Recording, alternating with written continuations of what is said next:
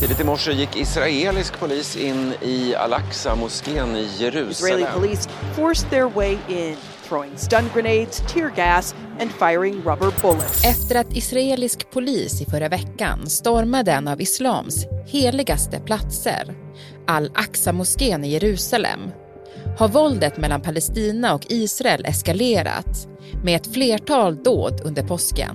Israeliska flygattacker mot mål i Libanon, raketer från Gaza mot Israel i natt.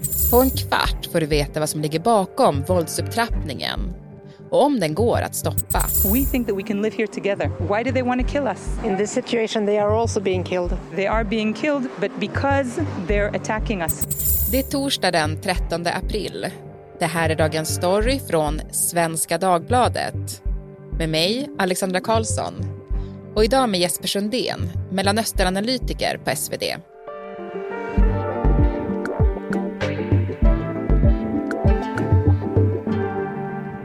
Du Jesper, Ja. jag skrev till dig inför det här avsnittet Mm. och frågade vad du tyckte var mest intressant att fokusera på. Mm. Och då svarade du kaos på alla håll.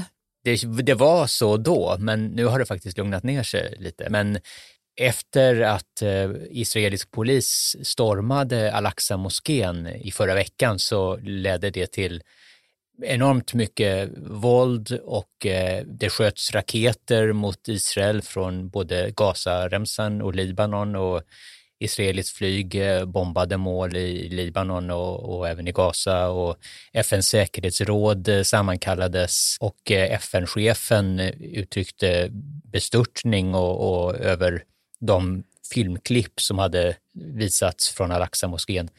Det här ledde även till våld eh, på Västbanken och, och, och i östra Jerusalem, så att det kändes som kaos på alla håll där ett tag. Och det här skedde ju under påsken kan man säga. Och jag tänker att vi ska försöka bena lite grann i alla de här olika händelserna som du tar upp nu. Om vi stannar då vid den här händelsen, den 5 april var det ju då. Israelisk polis stormade Al-Aqsa-moskén i Jerusalem och det är en av islams heligaste platser. Mm, mm. Varför gjorde de det?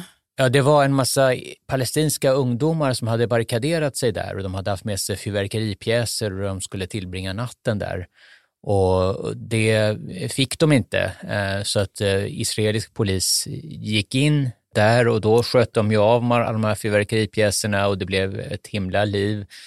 Tyvärr var det ju även helt fredliga eh, muslimer också som fanns där inne för att be och det var väldigt många som skadades. Det var 400 som greps och det var ett, ett allmänt kaos faktiskt. Eh, Även kvällen efter så gjorde man en liknande räd igen. Och det är ju, eh, som du sa, det är påsk, men eh, den kristna påsken betyder inte så mycket för den här konflikten, utan det är ju samtidigt eh, också den judiska Pesach och eh, den eh, muslimska fastemånaden Ramadan som pågår. Och eh, då under Ramadan så är ju det är väldigt många människor som vill ta sig till Al-Aqsa-moskén för att be, för att bryta fastan. Det är väldigt laddat. Att de här högtiderna sammanfaller och, eh, och eftersom den här platsen är helig för, för både judar och muslimer gör att det här blir en, en sån oerhörd eh, explosiv eh, laddning på den här platsen. Mm, det blir extra spänt helt enkelt. Mm. Ja, Men efter den här stormningen så följde ju då en, en rad hämndaktioner från palestinskt håll. Och jag tänkte vi skulle gå igenom eh, det som hänt efter stormningen. Ja, di- direkt efter så, så sköts ju raketer från Gaza eh, mot Israel och eh, även från Libanon mot vad som sägs vara Hamas-grupper i Libanon som sköt raketer. Och Israel svarade ju då med att, att attackera de här. Det som är lite bekymmersamt för Israel är att eh, det här har följts av att Hamas och Hizbollah, som är shia-milis i Libanon och som är eh, Libanons starkaste militära styrka och som ligger i, i konstant krig med Israel, eh, de har närmat sig varann och det här är dåliga nyheter för, för Israel. Eh, Men det har också varit, eh, det har ju varit flera eh, israeliska soldater som har sårats och dödats och det har varit palestinier som har dödats. Men framför allt så var det ett terrordåd mot eh, en familj som på Västbanken, en israelisk familj där två systrar och deras mamma sköts ihjäl av en palestinier. Mm. Och det här riskerar ju till att leda till nytt våld. Eh, mamman dog i, i måndags och det är ju ja, ett hemskt dåd. Mm, verkligen. Men den här våldsupptrappningen då, vad har den fått för konsekvenser hittills? Alltså större konsekvenser? Ja, just nu, jag tror att det har, jag sa ju tidigare att det här kaoset har lagt sig lite och, och jag, det är väl helt enkelt så att det blev för mycket. Så att eh, nu har faktiskt eh, den israeliska polisen i Jerusalem har låtit bli att storma Al-Aqsa-moskén. Det var, det var ungdomar som förskansade sig härom natten igen, men då har polisen helt enkelt avstått från att gå in och ingenting har hänt. Det sköts inga raketer och det, det blev ingen dramatik alls. Mm. Och jag tror att kanske att det här är för nära tryckpunkten helt enkelt, så man förstår att man måste försöka deeskalera, kyla ner det här. Ja. Mm. ja. Och även, eh, även inrikes då, så jag tror att Netanyahu, han sparkade ju sin försvarsminister eh, Joab Galant efter att Johan Gallant eh, hade kritiserat genomdrivandet av, av regeringens reform mot, för domstolen, eller om man vill säga maktövertagandet över domstolen som ju ledde till massa protester och det här protesterade försvarsministern emot, eh, eller han kritiserade det och då fick han sparken av Netanyahu.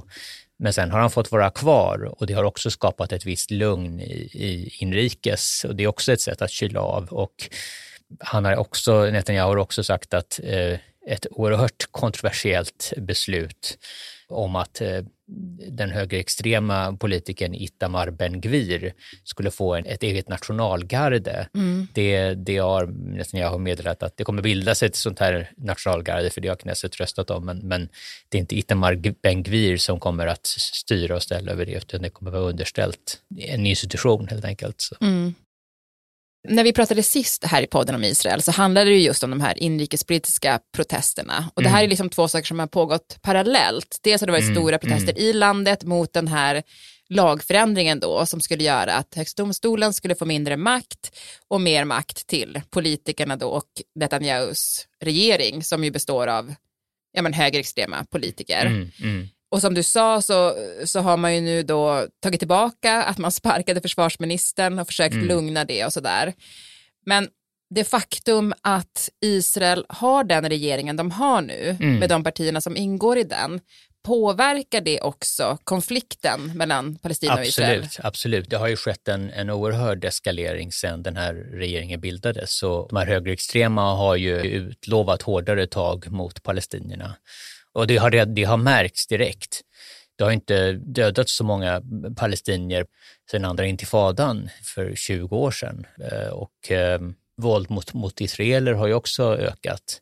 Och bara, det har redan i år varit över tusen militära operationer på Västbanken, israeliska militära operationer. Och man har förstört, rivit eh, nära 300 hus, palestinska hus, varav ett 80-tal i östra Jerusalem. Så att det, det är lite drygt tre månader, det, det, är, en, det är en väldig eskalering. Mm. Och det har ju många, många förutspådde att det skulle leda till mer våld. Ja, man har pratat om en tredje intifada, det kan ju fortfarande hända, men det är en väldigt kraftig försämring av säkerhetsläget mm. på Västbanken och även i östra Jerusalem. Du Jesper, jag tänkte vi skulle höra Palestinas premiärminister Mohammad Shtei och vad han sa till CNNs Christian Amanpour om situationen. United States has been playing an important role in bringing things uh, together and as I said the, it's all in the hands of the Israelis. The Israelis are the ones who dictate the shots. The Israelis can make the situation of escalation and the Israelis can make the situation calm. All what we have seen the incursions into the mosque, into the refugee camps, the killing, house demolitions, land expropriation. This is a recipe for disaster. Mm-hmm. This is a recipe for violence. When you have ministers calling for wiping out a whole town of Hawara, when you have ministers calling for every Israeli to hold arms and shoot when, whenever needed and so on. So there, the, this Israeli government has changed the rules of engagement to make killing easier Okay. and to make everything easier for the, the Israelis. So you're we talking- try to calm the situation as much as we can, but as I said, the Palestinians are under occupation. We are victims, and it is all in the hands of the Israelis. They are the ones who dictate the shots, and they are the ones who are calling the shots. They are the ones who can make situation calm, and they are the ones who are responsible for any and every escalation. Han menar ju här att allt ligger i Israels händer. Är det verkligen så lätt? Ja, det är ju ett delat ansvar, men det är ju Israel som är den starkaste parten eh, och det är en, en kraftig försämring och förändring sedan den här högerextrema regeringen tillträdde.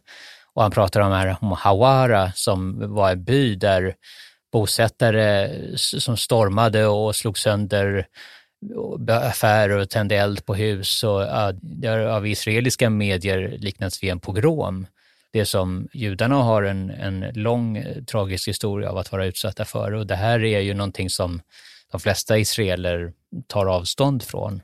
Men en av de här högerextrema partiledarna som är finansminister, eh, Smotrich, han sa ju att ja, men vi, vi ska jämna Hawara med, med marken. Eh, och han har ju fortsatt sen och, och sagt att ja, palestinierna, det, det är inget folk, det, är- det är liksom bara ett påhitt.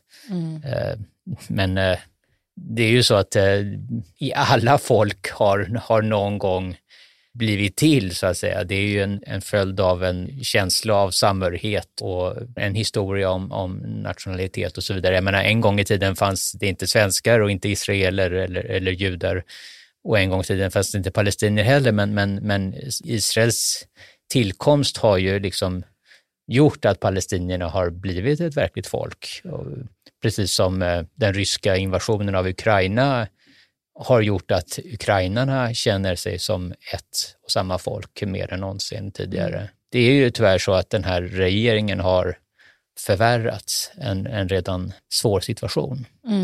Men du kort Jesper, du sa där eh, tidigare att, att Netanyahu, alltså Israels premiärminister, nu ändå försökt kyla ner eskaleringen som har skett nu i alla fall. Och det är han ju lite inne på, att det, är de som kan kyla ner, men och det verkar de ändå försökt göra, eller hur ska man tolka det? Ja, jo men eh, i Jerusalem absolut. Eh, Att man, man eh, låter bli att storma Al-Aqsa-moskén. Och eh, jag tror att man, jag vet inte, det, det sades att det var färre judar som tog sig upp på berget, men det handlade nog mer om att det var färre som var intresserade av att jag kanske vågade gå upp eller, eller som var, var intresserade av att provocera. Eh, Ja, men till sist Jesper, nu kommer det bli en jättestor fråga här på slutet och det handlar ju om den här konflikten. Alltså den har ju pågått eh, ja, men, sen för alltid känns det som. Liksom, och det har varit fredsförhandlingar som har gått i stöpet och så många människoliv som har gått förlorade. Alltså vad tror du kommer hända nu framåt? Det är en jättesvår fråga, men jag tror på sikt, alltså politik, det går i vågor. Och nu har vi den mest högerextrema regeringen i Israels historia och som har utlovat hårdare tag mot palestinierna och resultatet har blivit en förvärrad konflikt med ännu fler dödsoffer på båda sidorna. Och man kan se i opinionsmätningarna att eh, Benjamin Netanyahus parti har rasat kraftigt eh, och det finns en längtan efter någonting annat. Nu, nu har den här högerextrema regeringen fått chansen och det har inte, det har inte lett till något gott. Jag tror att eh, om den här regeringen ersätts av en mer moderat regering så kan det finnas en önskan om att kanske eh, söka mer samarbete, söka någon slags samlevnad ändå som, som ju måste till. Tack Jesper. Tack själv. Programmet idag producerades av Daniel Sävström, redaktör var Teresa Stenle von Matern och jag heter Alexandra Karlsson. Vill du kontakta oss så mejla till dagensstory.svd.se.